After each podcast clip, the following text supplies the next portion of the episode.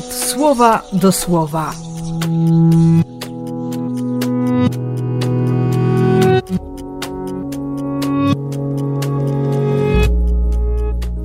Siódmy grudnia, środa.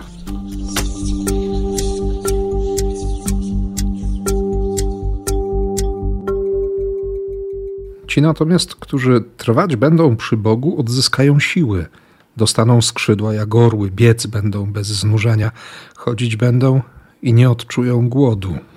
A ja się ciągle męczę, głodny też jestem. Zmęczenie mnie przecież dopada. Co jest nie tak? A może istotą jest właśnie to, żeby, żeby nie stracić nadziei, żeby po każdym upadku podnosić głowę i i widzieć, że jest coś więcej niż grzech. I żeby nie pozwolić sobie na przekonanie, że, że nie warto, nie warto iść do spowiedzi, nie warto prosić o łaskę, nie warto szukać pokarmu słowa i tego prawdziwego chleba, który dał nam Ojciec, bo jest nadzieja. Dlatego nie mów tak, moja droga ukryta jest przed Bogiem. Bóg mój oddalił sąd nade mną, odstąpił. On naprawdę widzi to wszystko, nawet jeśli nam się wydaje, że, że jest zupełnie inaczej. Dlatego tak mocno Jezus powie ten werset wcześniej. Ojciec złożył wszystko w moich rękach. Kto tego nie zrozumie, nigdy nie będzie ze mną w bliskiej relacji. Taki bowiem jest plan Ojca. Nikt również nie będzie miał relacji z Ojcem, jeśli nie ujrzy go we mnie, gdyż On odsłania się tylko w Synu.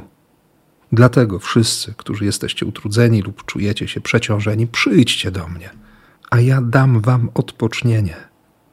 I ciągle, ciągle jak bumerang wracają te słowa ojców Kościoła o jarzmie, ciężarze, że tu chodzi o szacunek, o przekonanie o własnej godności, nie z powodu tego, że ją sobie wypracuję albo na nią zasłużę, tylko, tylko dlatego, że On mnie takim widzi że On mnie traktuje z szacunkiem, On Ciebie traktuje z szacunkiem.